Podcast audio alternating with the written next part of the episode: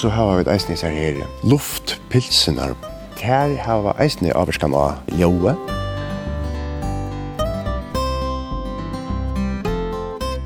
Ja, man sender ikke en bøylista i 20 år utan at det var ljøe fra seg. Man melder seg inn hver dag.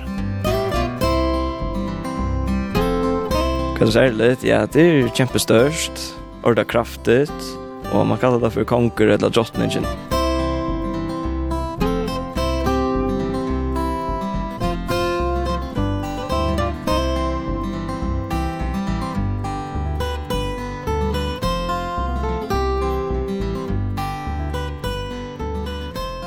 Gåan til, og velkommen vi Nutsjan Tur. Og i dag vil jeg vite et sted som samståndes er i Øynare Kipan, og jeg har haft av metallian tøtning for okkara samfella. Det er prekva bæge så og så at neka som kan nema okkara kjenslor utanom atler erar kanaler er tonløykor. Tøy hever eit rukt tonløyka luiv av medalja negvat sida. Sjálfsagt høttu fløyre søgn finkur vi i spelnum, men ta i standi her og i hesson snottliga bygninge, kan ikkje leta vera vi at hugsa om ein mann, Olav Hatun Sala, som i negv år struttist fyrir a få eina musikkskolaskipan i lea i fyrjon. Og til etnaist i 28 årenon, fyrst Jinko politikarne vi til a gjerra ein røndarmusikkskola, og så hei bor fenka, og til ventist ikkje attor. Så gjerne hava musikkskolaner kring landet, mense år og mar, og det er sjøen fyrir søgn kvantutning tøyre hava haft. Det sutja vi daglia, søgnast av en ståra FMA-tiltasjon om leierkvölde. Jeg er kommet ut i Vesterbojen i Havn, og er i hesson snåtelige bygningen som er landavevor nummer 4 fors, huset var tidsje i bruk for Simon etla halvun fjore år Sujane, og samleie Atlan tausanar musikkskola som hei husast nekvastani i bynum. Og så kan jeg passande nevna at snåtelige konserthødlen her Øytor Hatun etter Olavi Hatun Sala. Hette er vi Tore og Tore og Torsanar Musikkskola.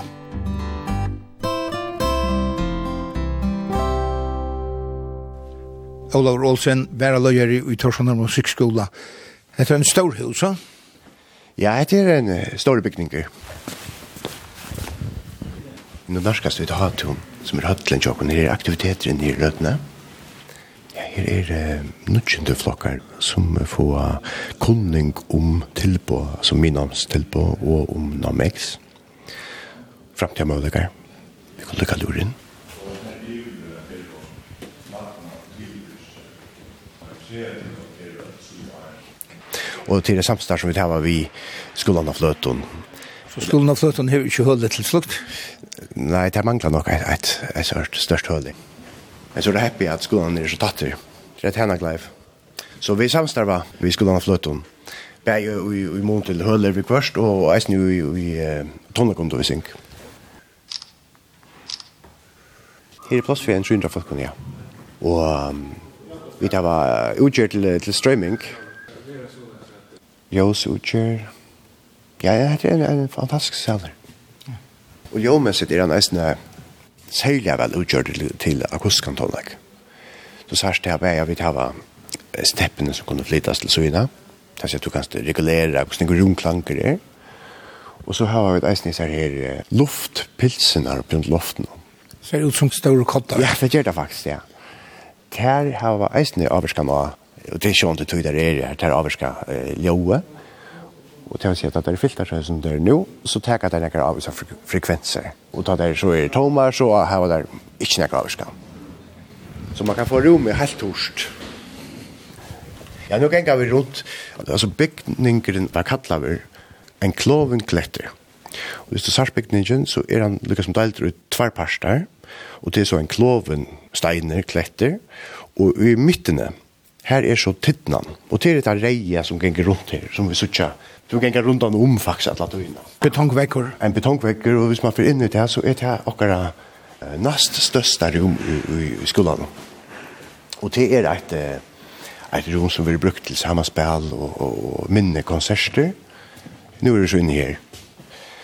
Og her er klaver, og her er oppvarsper, og her er uh, utgjør til uh, fjærundervisning, og Jeg er rymlig største rom.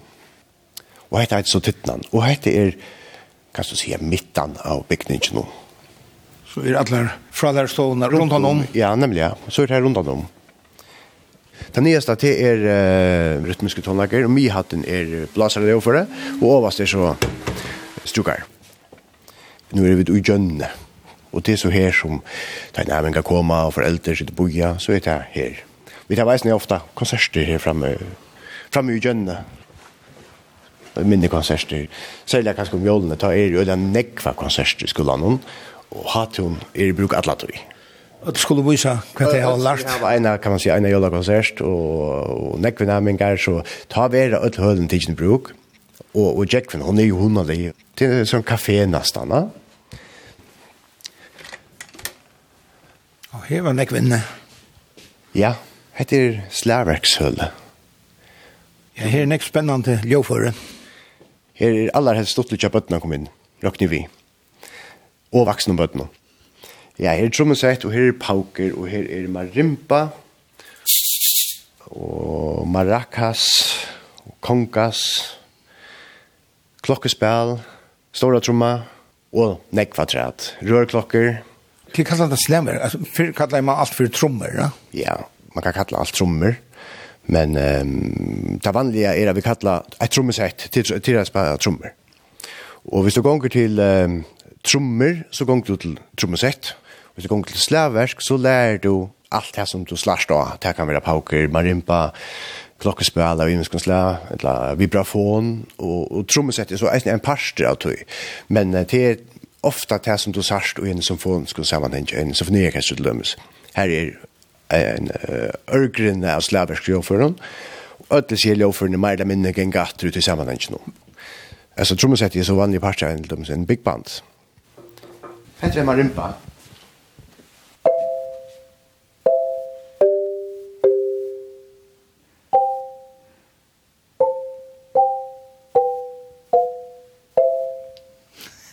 ja, ja. Det er et øyla populært jordfører.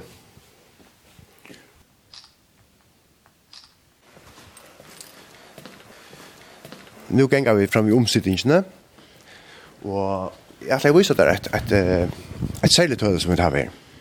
Hette er ikke et underviserhøde, hette er et verkstaver. Å oh, ja. Her var om, uh, jeg for omvalgt, og vi tar noen lærere som jeg har finnet etter oppbygging og i omvalgning av jordføren. Så uh, her som bor noen her i bra, her er... Uh, messingløfere, og det er Ken Jones, som omvæler uh, messingløfere.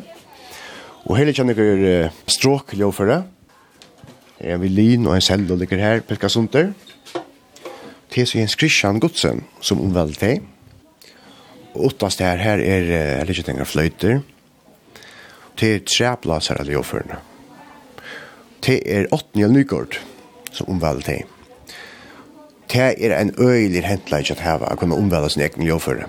Tog at uh, fyrir noen år siden, ja, det var, altså, hva for et eller annet hent vi en ljåføre, at man miste det eller okkurs lyd, en bukla eller hva det skulle være. Så måtte man boje til onker kom til landet, at omvela, eller man, måtte sendte det av landet nå.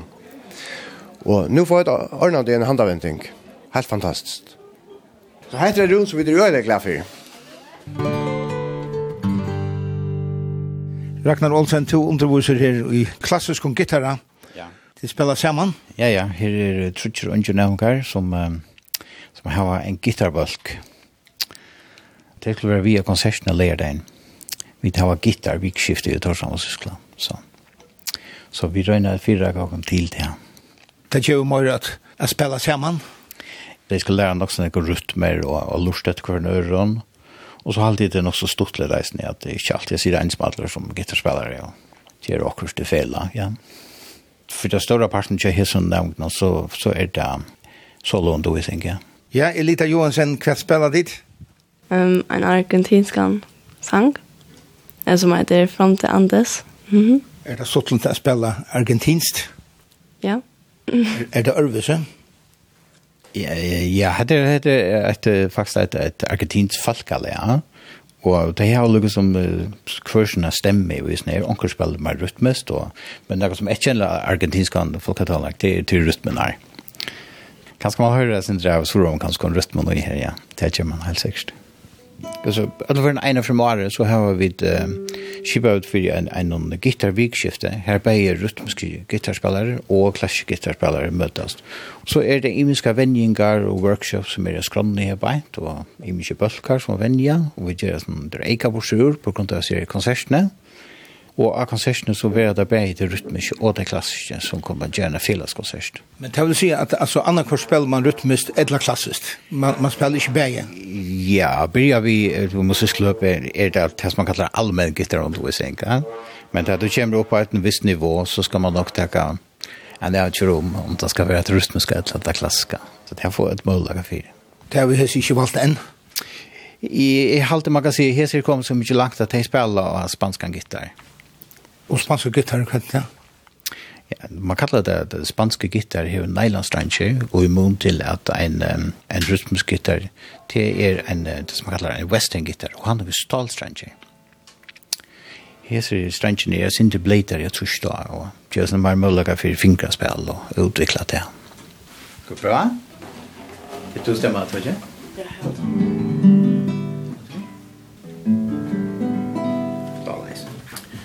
kunne spela lite brot bara några sekunder eller jag tycker inte att jag tycker inte att det sitter helt att skapa en, så heter det en en runda okej? Det är lite varför när fyra och så att tror ju så kommer det in ja. Ett två tre fyra ett två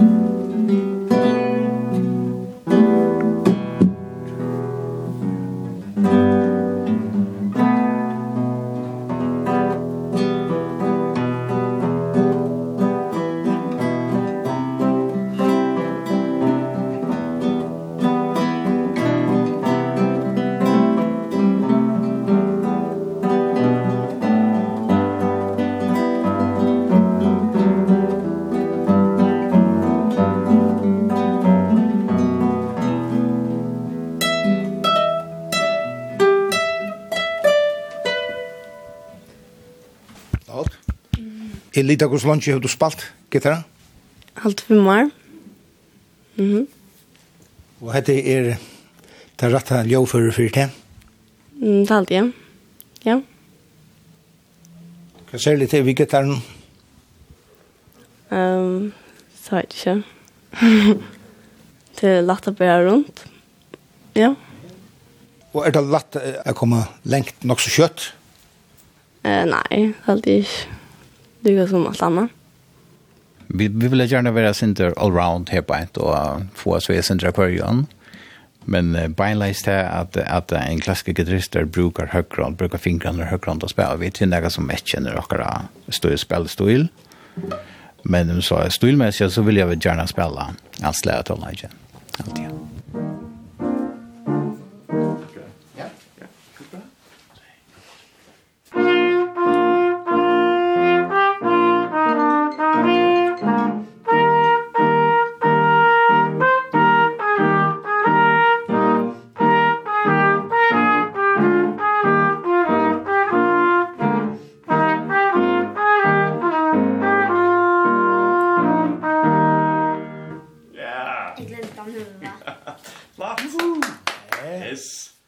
Monika Sigurdsdottir Vang, du er 11 år. To at der vi å stelle på Lars kappingina og er du vant meg? Ja, det er alltid, ja. Hvordan lunch har du spalt? Tve, år, tre, jeg vet ikke, eller tve år, alltid. Og venn du nekv hjemme også, ne? Ja, det er alltid, ja. Cirka en fra dagen. Kanskje så tre for døgn kvann sang. Du valgte selv at jeg lærer å spille trompet? Nei. Mamma ville ha vi skulle gänga till oss. Och så spurgade musikern, är det oss som kan gänga till?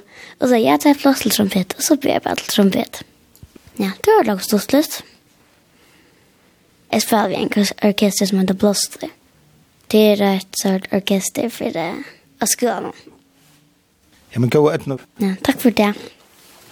Johan Hense, omframt att vara lärare och undervisa här och musikkskolan i Havn, så samskipet du det som øyder musikkskolan Minam. Hva er det her for nekka? Ja, musikkskolan Minam er, er en fire røyking i grunnene, og på vi er lesna innan tøvnløyk.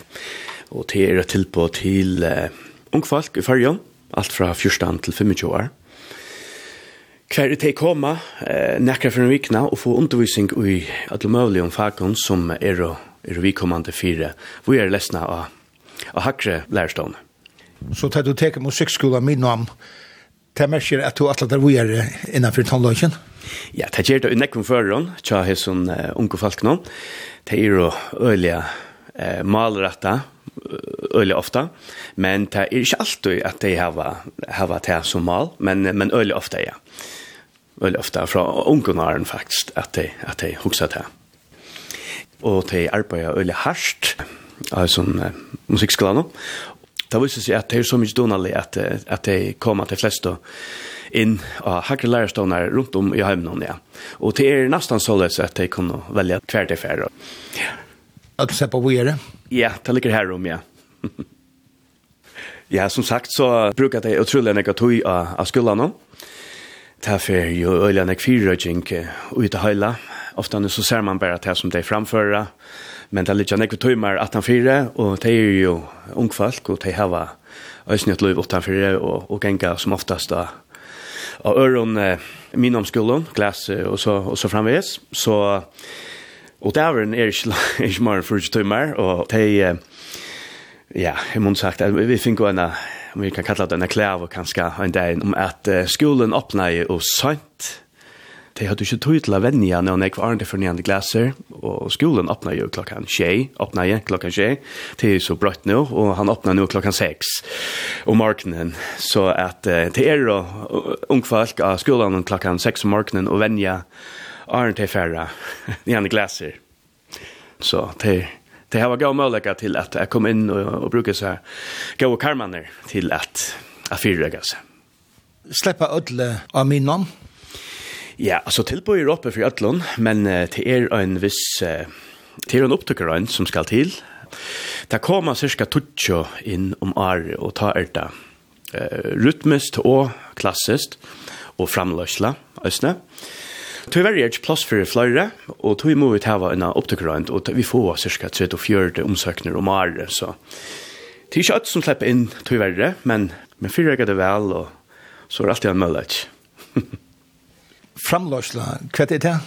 Ja, framlösla er så ekv. Uh, du kan framløya sanger som sangskrivare, du kan framløya som, uh, som produsere, og, og gjøre opptøkker og så framvis. Og det er også nekka som vi bjøver her. Det er uh, et øyelig av vårt fag, og vi tar var nekka næmengar som ganger, og i halte det trivas vel, og, og klarer seg vel. Og det var spennende å sitte hva de kommer at ut, utrette i framtiden. Ja, til dømes er vi... Uh, Lea Kampmann, vi er her og sangskrivare Skøye, og vi tar til dømes løtene, her vi Marius DC, han er her, og, og Honor, så det er nekve ung som, som velger hetta. Fa, spennende fag, halde Så de unge er bare kreativ og, og effektiv? Ser kreativ og ser effektiv, det må jeg si. Helt sikkert. Det er på øyelig hørst, ja.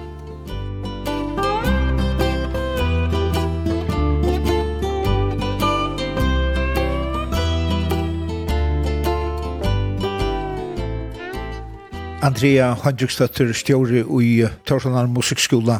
Vi søkja öll at det veri en utrolig menning i tónlega løyvin og tjóakon. Hvert heldur du sjálf musikskolan hava gjort? Altså musikskolan hevur stóra mun brett ut uh, musikkundervisning til öll bøtn og ung i fyrir. Og, og, og i opprunna lovene er det tvei parameter som er alltid er avkjærende, og til det er man å sette stor krøv til lærerne, utbyggingarkrøv fra hakre lærerstående, og til at man har musikkskolar kring alt land. Jeg har alltid teipa i parametrene i området. Annars er bare ikke ikke åkken å komme ut til Øtlebøt som ikke har musikkskola undervisning i landet. Og til nå har vi det ikke enn, men det er vantland tøymatel til musikkskolene, til Unaka Vjottan og Anna Gjera. Men um, det er det som vi ikke, at vi vet at det er musikker er gode for bøten og ung, i ötlen allt kan man säga.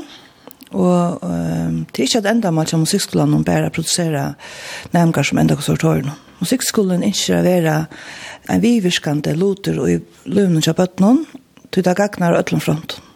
Og det er nek bøtten, nå snakker man nek om bøtten som ikke har det så godt, og det er nek bøtten som brukar tonelagen, da jeg var lært av tannversk og en lovføre, jeg brukar så tonelagen til at uh, katalysere kjensler og hoksaner og alt annet, og eisen her uh, gjør vi musikkskolen og, og, og musikker bare generelt nek godt. Selv om det er kjølstøver musikkskoler, så arbeider ditt sammen. Ja, det er første musikkskoler i Førjøen, kommunale musikkskoler kring Atlanta, og det var også filosofien fra begynnelsen av at uh, bøtt skulle ha uh, stått til musikkskoleundervisning. Så jeg synes at de små plassene er musikkskoler.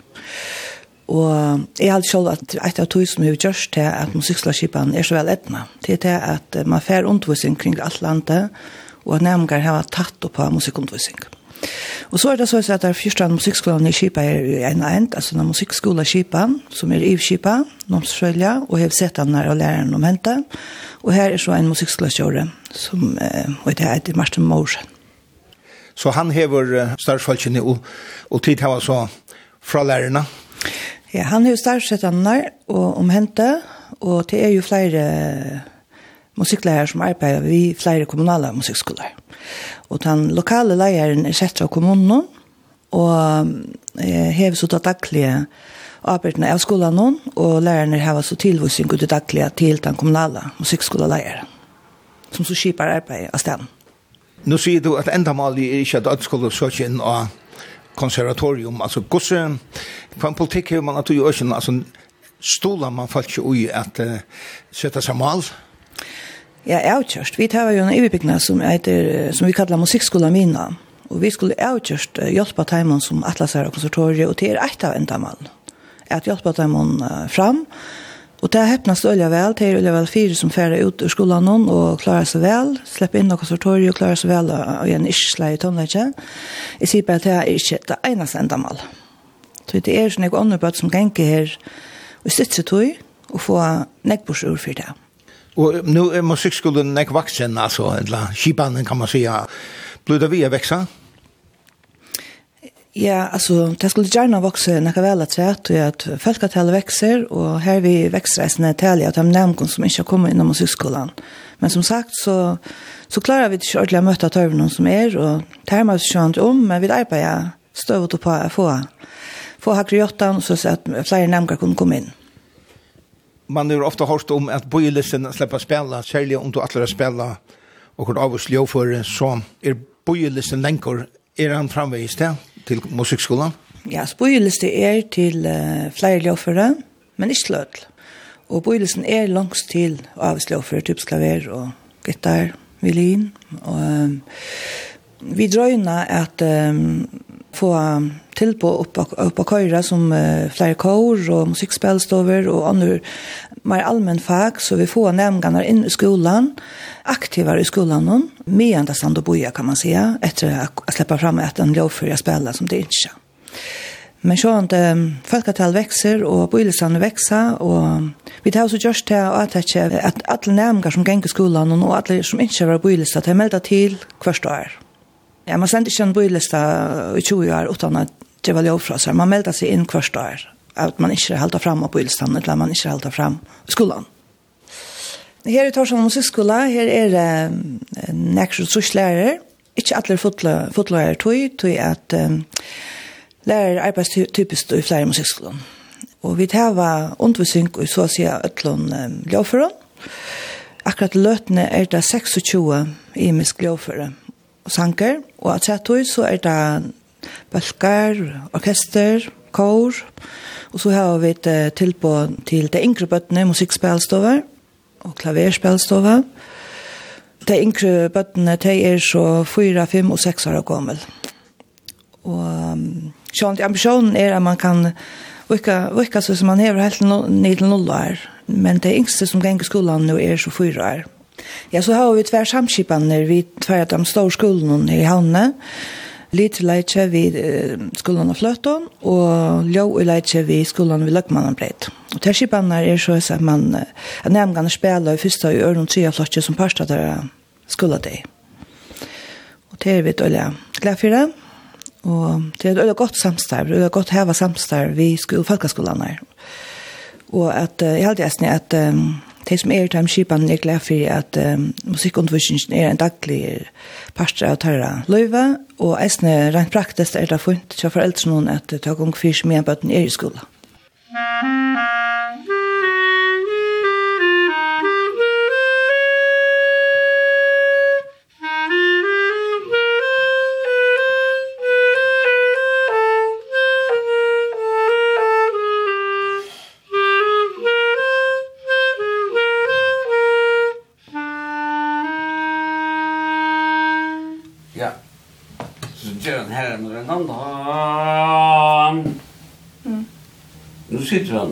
ordentlig godt.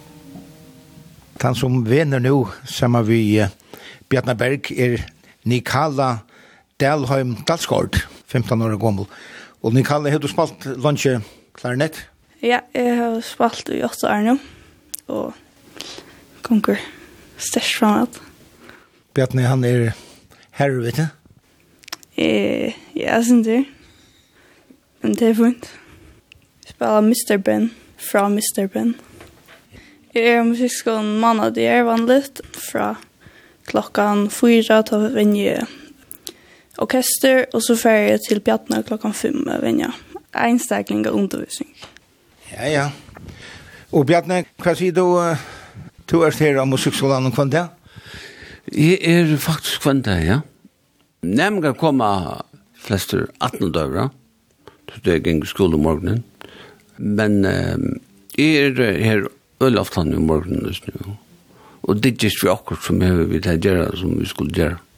Etla halte mig sjalvan sin vi lukka. Er det såleis at, at det her er òsne tutt frutjær og utriv? Ja, det er det, ja. Og så hvis man sjalvan er vi og jankron spiller, så gong til òsne vi sier. Og skriver du atla tumanar om morgenen òsne opp og lønarlistan? Eh, nei, altså, hvis vi tar det til uh, for foreldrefellet, Ingeborg Vinter eller sånn, så sier vi gærlig ofte, tror jeg. Det her er ikke så til, tror jeg, nei. Det er bare et fulltid fulltidstarv og titta. Og det er gang fyrir seg øl imsen tøyen og weekend og kveldene er alt mulig. Ja, nå vet jeg at du er en, en stortlig maur og hun er gått søver og kvart og sønne, men hva gjørs du for at blev vi att kunna motivera en nämning som som gong og tjater år etter år. Ja, det var kört. Men um, alltså vi har varit tillfälle som är byggt till till ta framgångarna som man vill förfära. Men det är ju individuellt. Så man måste mest efter hver næmingen er, og så røyne finne tilfære som, som passar til uh, Thames og, bøttene, andre bakke kattet dama, som dama, nekker utfordringer, og som dama bedre pinnløv og sånne. Og er det sånn at du har lukket som en plan for hva nærming, altså han skal bare komme så og så lengt, ta i tantoyen kommer? er en god spørsmål. Eh, nei, ikke så nøyaktig, ja. men eh, man husker alle tøyene, uten tøyne banen, at, at komme et styr langer opp etter det Men eh, hvis det er ikke etnast, ja, så nøys man bare gjør det som bare fjellbrøtt vi, vi øren, stikken eller sangen og, og, og samme nivå i inntil så knappt at det var genga opp etter. Vi får utfordringer av til, til dem som nå er til Stella Polaris. Vi var henne, vet du, da var det kammertønløkker som var en øyn kan spille. Ja Og det er færre summe til at oppasser. Hvordan er det, altså jeg kan umynda meg at vi først er det meira foreldrene som uh, så ikke at det er baden fyrir seg som skal kunne så og sånn eik, altså at uh, ofte er motivasjonen til foreldrene er det noe som man merker at det er ikke ordentlig avstemma mellom baden og foreldre. Ja, jeg håper ikke du var det spyrjant at borgen, du er Det så kjem man ganske til å si akkur som akkur følelse som utsettan, men, men jo, sjaffelsel er det ja. Og det er godt at foreldre har okkur forvantningar, du tar motiverer og færre folk at kjær mer kanskje enn annars. Men så finnes det, litt, jo, jeg er utfordru at bøttene har sagt, eller knapplega, kjævast, det er tummig mer, om det er veldig god. Du er krøvende i heimannen fra er og stor? Ja, men så, så har, har vi spurt. Kanskje ikke akkurat ta av, det er løsende kjenslebord akkurat ta, ta det skjer. Uh, men satt nu, altså, hvor er gavst du? Ja, men det var, det var jo ødelig hinne vil du ha du skulle spille, du vet da. Og så fikk jeg halte man kan komme ut her. Jeg halte det, det er faktisk nok så beheilig. Men så snart det bare. Og ni kalla, hevde du nekra mal vi Hvordan gav du alt andre bliva? Det vet jeg ikke, jo. Det vil jeg si. Jeg vet ikke. Jeg var bare i alt med at blå vi spela. Det er snart løgn alltid. Og at du tar altså affæra bojer innanfor tonløyken? Uh, jeg har alltid mulighet for det, ja.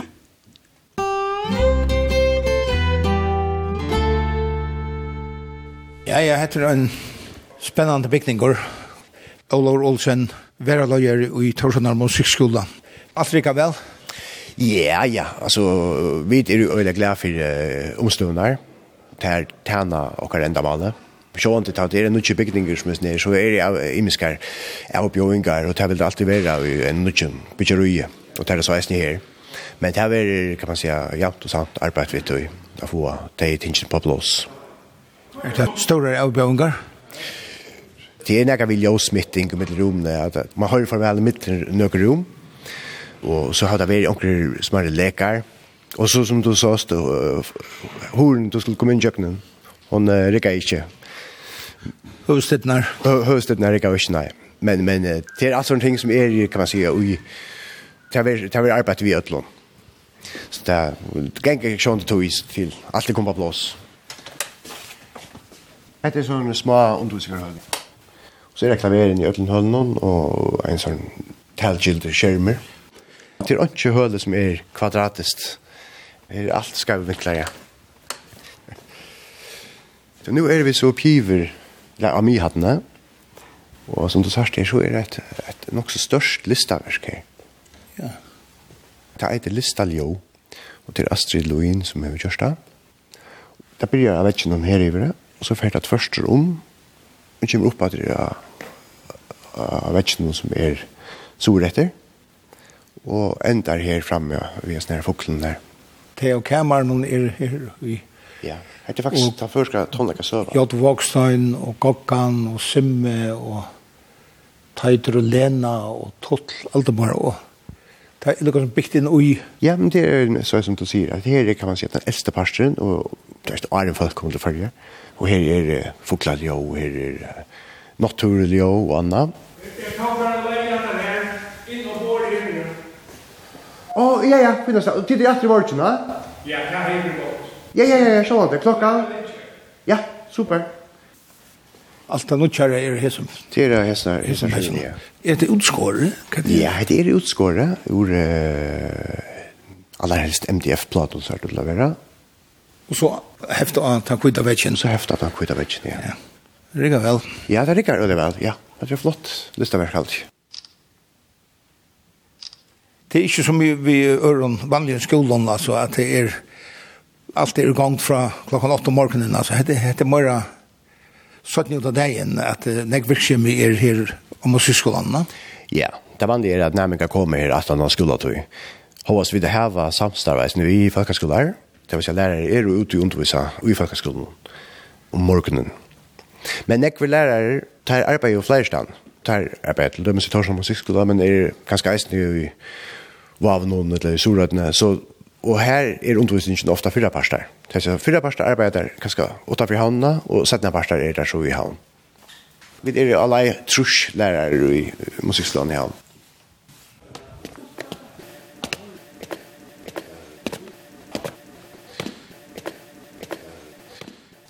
Nu har kommet opp under loft, bjørn til veingene. Nei, ikke helt. Hette er et, et undervisingarhøle som uh, det var kallat for hodøybyggarøk.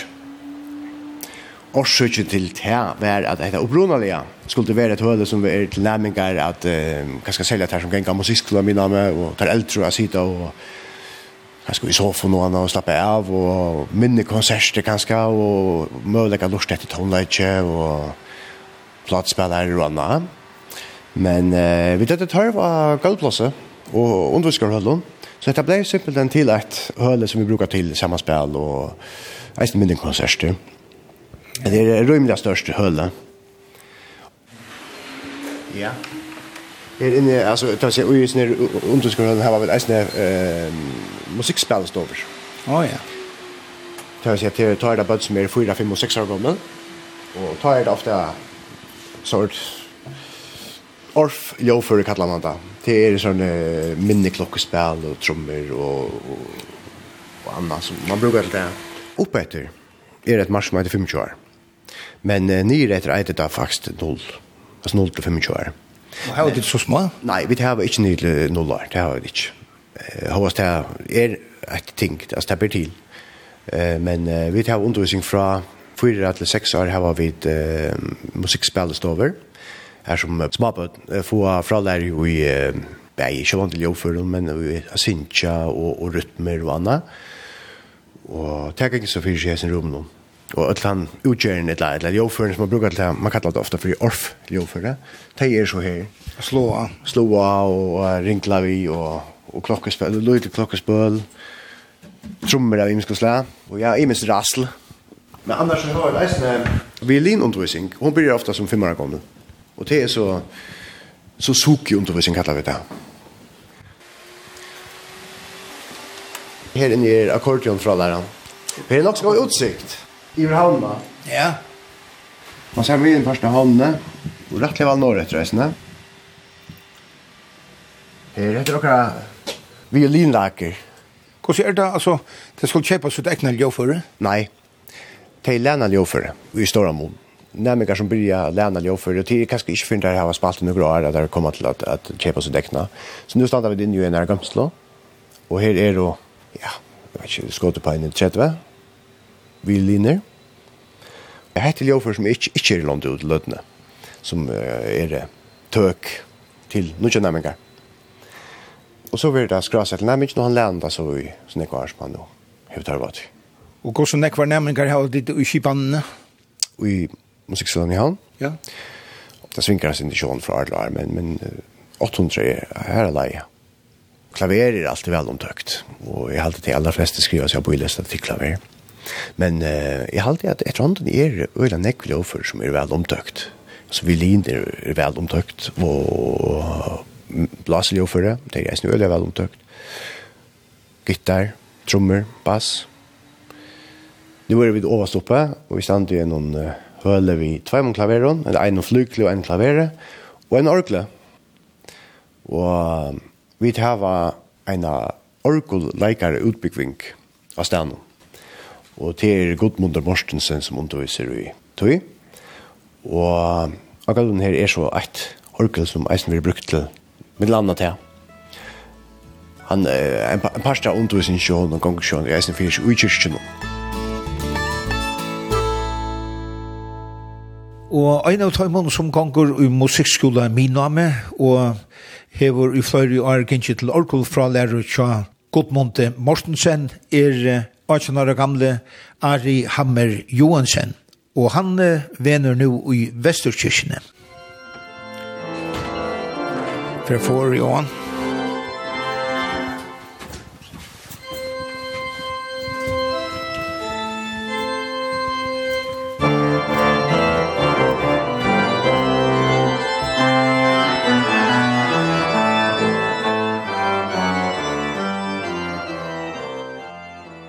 Ari Hammer Johansen, du er 18 år gammal.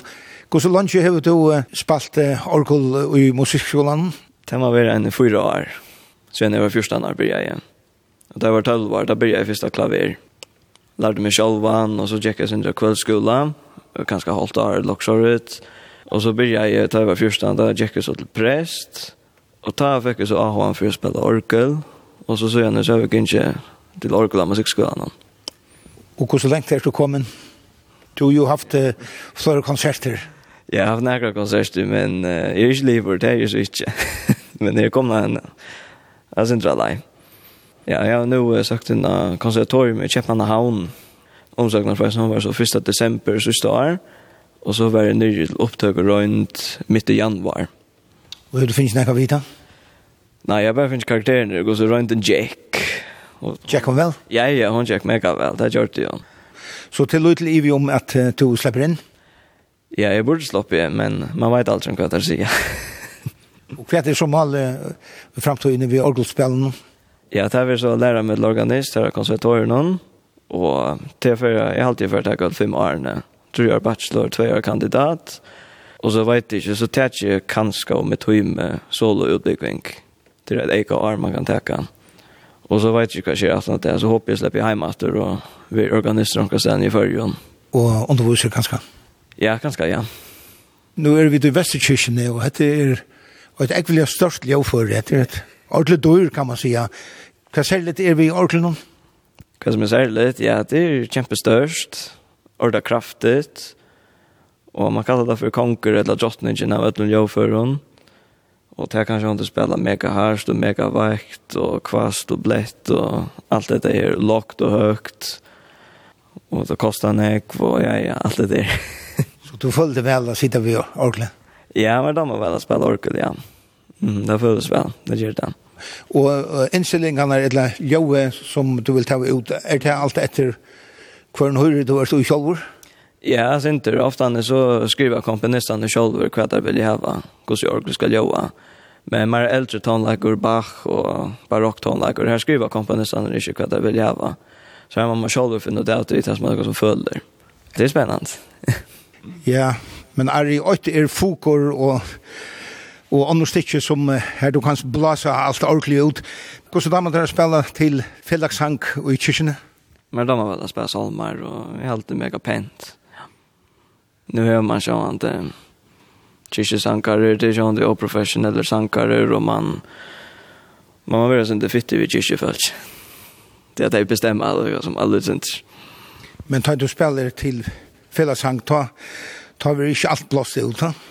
Nej, inte allt. Det ska ikke inte vara för dominerande. Nej, det ska vara för dominerande, nej, men eh, då är det särskilt godstannast där... Eh, påskur, julaftan och allt det där, då kan man gå och spela sig inte kraftigt.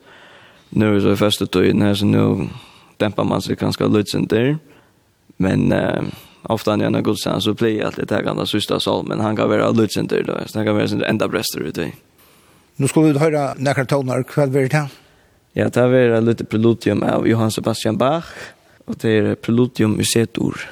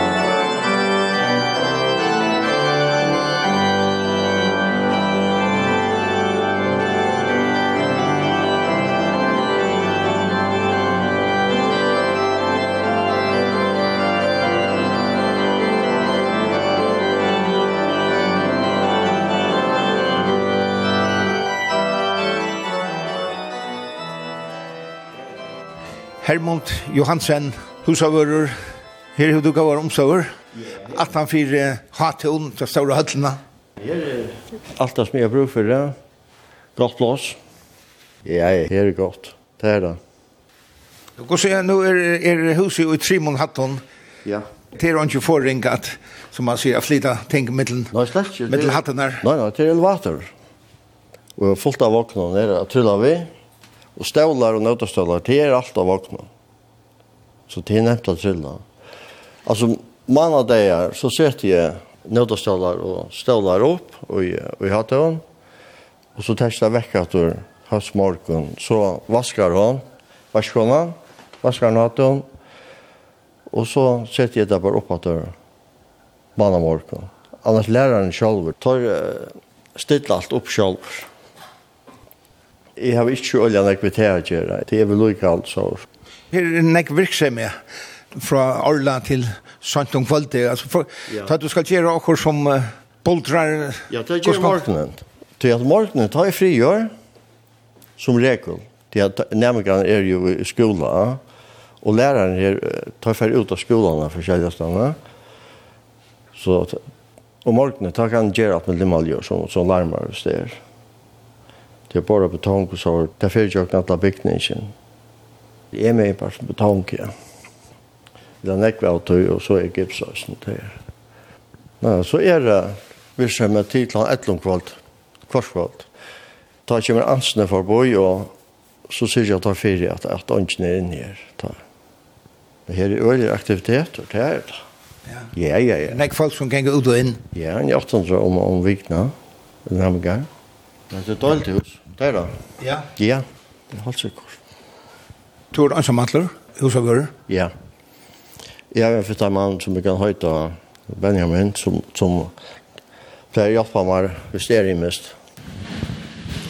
Ja, det er ikke nøye til å spyrja hva hender her. Hette er det de som slår av ljøføre. Ja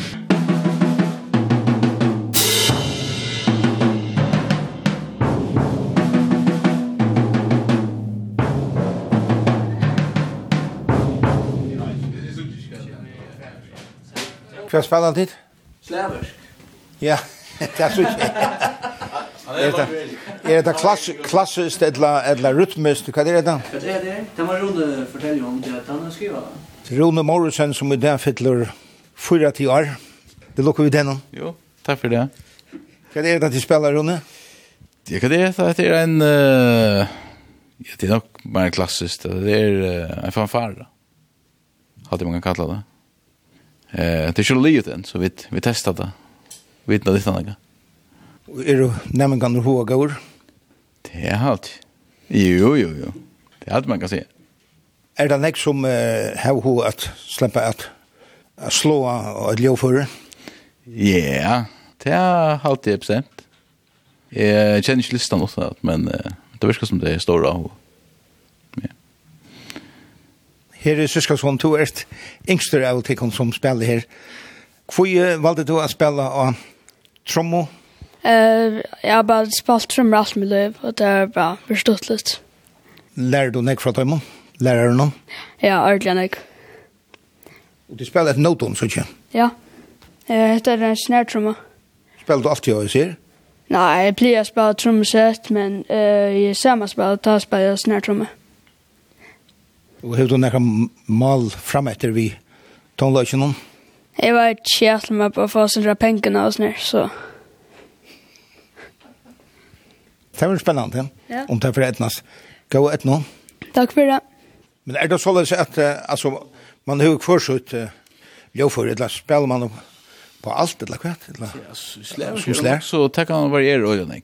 Onk, onk det man korsutt, og man kan eisen spille att spela marimba eller det kan vara allt möjligt alltså som sticker är det trummor baserade och onkel är blanda i onkel är bara för marimba och så det kan vara allt möjligt Vänja dig till något avvist? Men nu, uh, jo, forskjelligt. Det er en, uh, en heierskonsert for borgerstjøren. Så det er faktisk det vi vender til. Og så blir det en slaversk det er 17. 17 år. Så jeg tenker, er det, det er ofte sådan part og ut av kvalitet, eller også, at du arbeider? Jo, det blir ofta til. Det er, det er for det meste fra mitt i her omkring og, og fremetter. Sådan part, ja, kvalitet nok det er. Ja. Ja, så nu spelar jag nek själv reisne, så vänder man och skriver ett handlägg och sådant, så röjner halda sig uppdatera vi förskällt undervisningar, material och sådant, så ja, det är, ja. Eh, vi kommer prova spela sen där. Ja. Ja. Tackar för början. För början är man nutje. Eh, tackar för början bra. Ja.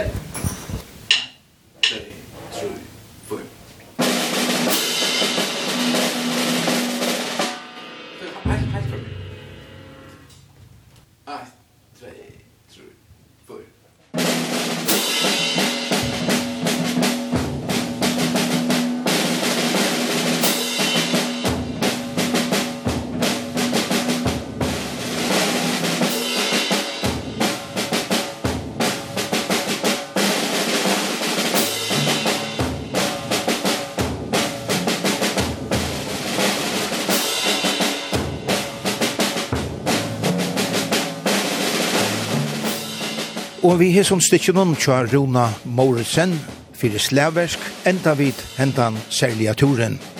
Sendingen er atter at høyra i utvartnån torsdag klokkan 11 og leierdag klokkan 4, og det blir òsne til at lusta av heimasugene kjør kringvartnån skriva kvf.fo framskak tt.